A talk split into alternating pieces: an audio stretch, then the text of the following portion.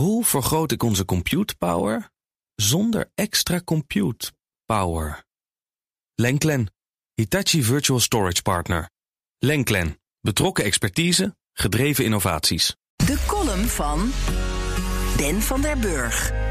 In 2008 reisde Brian Acton met zijn vriend Jan Kaum door Zuid-Amerika. Ze hadden ontslag genomen bij Yahoo. Ze speelden frisbee op het strand. Ze dachten na, wat te doen met het leven. Terug in Amerika start hij met Kaum WhatsApp.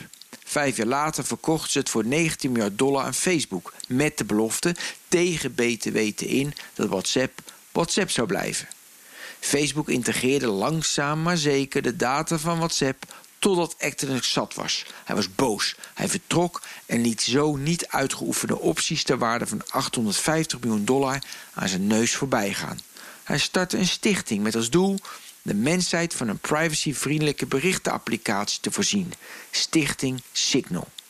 Signal is een WhatsApp zonder dat data als gebruiks, gebruikers, advertentie, contact en telefooninformatie naar de applicatie gaat. Alleen noodzakelijke informatie voor het gebruik van de app blijft op het toestel staan. Signal kan daar niet bij. Aanvankelijk werd Signal vooral gebruikt door journalisten, activisten en privacy-protagonisten.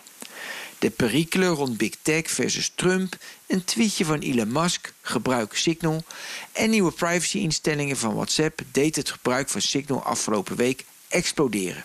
Ze kregen er in vijf dagen 7,5 miljoen gebruikers bij op een totaal van 20 miljoen afgelopen maand.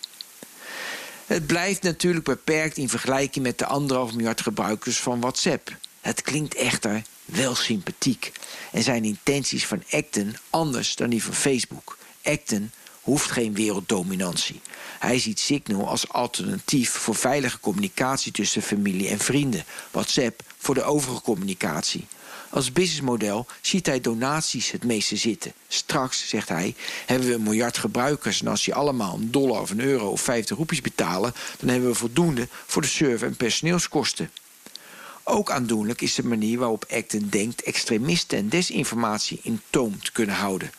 Op TechCrunch zegt hij dat je kinderen goed digitaal gebruik moet leren terwijl je toch iets zou moeten ondernemen als extremisten signal ontdekken en groepen aanmaken waarbij ze aanzetten tot geweld.